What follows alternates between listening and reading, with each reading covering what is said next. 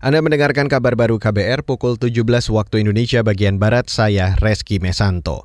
Informasi pertama di kabar baru pukul 17 saya ajak Anda ke lantai bursa di mana perdagangan saham di Bursa Efek Indonesia diwarnai rekor kembalinya indeks harga saham gabungan atau IHSG ke level di atas 7.000. Dikutip dari data RTI Bisnis, IHSG hari ini stabil bergerak di zona hijau dan meroket menjelang penutupan perdagangan. IHSG ditutup menguat 58 poin atau 0,84 persen ke level 7.046. Investor melakukan transaksi sebesar 21,3 triliun rupiah dengan 29 miliar lembar saham diperdagangkan. Sebanyak 260-an saham menguat, 250 terkoreksi dan 160-an saham stagnan. Sementara pelemahan masih terjadi di nilai tukar rupiah – Sore ini rupiah melemah 0,15 persen ke level 14.911 per 1 dolar Amerika.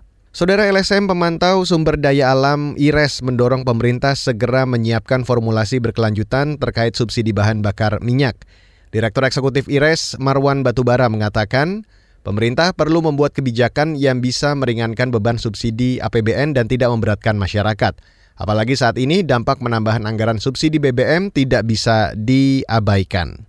BBM tidak naik, subsidi di APBN meningkat, tapi yang menerima subsidi itu lebih banyak orang mampu.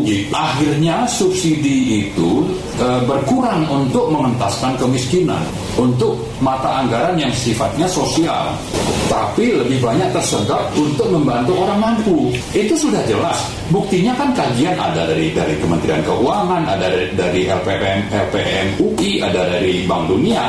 Ini kan confirm.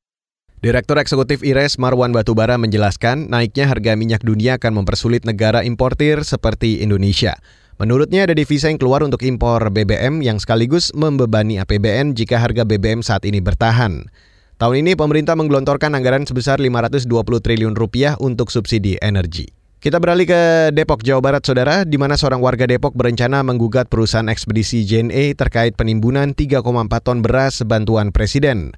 Warga bernama Rudi Samin mengatakan JNE menimbun beras bantuan di lahannya tanpa izin pada November tahun lalu. Direktur Kriminal Khusus Polda Metro Jaya mulai memeriksa sejumlah orang yang diduga terkait kasus temuan beras bansos Presiden 2021.